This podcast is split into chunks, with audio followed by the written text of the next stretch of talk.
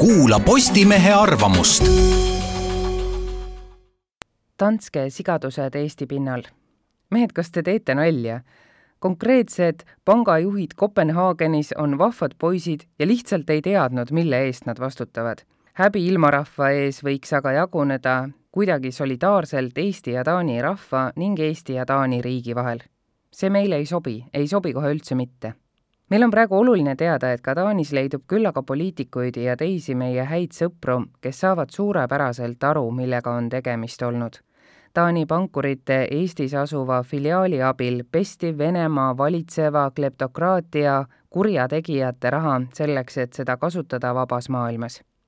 tegemist on verise rahaga, mida aus inimene ei peaks puudutama Danske Bank ei olnud siin piiratud vastutusega aktsionär, vaid Eestis tegutses nende filiaal, Kopenhaageni pankurite arukontor, mille tegevuse eest nad pidid hoolt kandma ja lõppeks peaksid ka oma nahaga vastutama.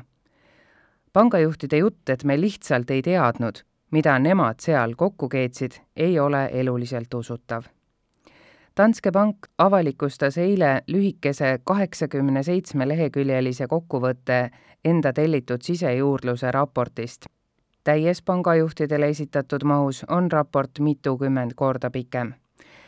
ka sest kokkuvõttest tuleb selgelt välja, et Eesti Finantsinspektsioon osutas juba kahe tuhande seitsmendal aastal, et rahapesureeglite järgimisega on lood kehvasti hilisemad hinnangud ütlesid, et pabereid on parandatud, ent tegelik olukord on ikkagi halb.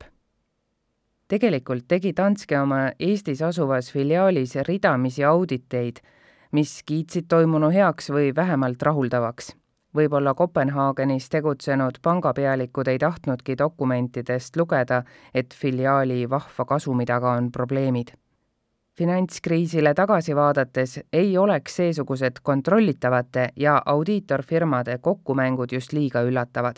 meenutagem, et Danske on nii Euroopas kui ka USA-s kaubeldava aktsiaga börsifirma. Need uurimised ei ole eilse pressikonverentsiga kindlasti veel läbi.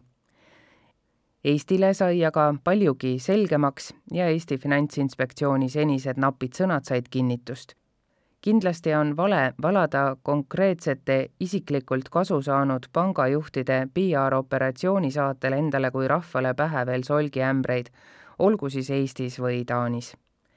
ka meie Riigikogus tegutseb vähemalt paar kasulikku idiooti, kes raporteid ja tõendeid ära ootamata juba teavadki täpselt, kes nende poliitilistest konkurentidest on ainuisikuliselt vastutavad selle eest, et Danske panga filiaal aitas Eesti pinnal pesta Venemaa kurjategijate raha.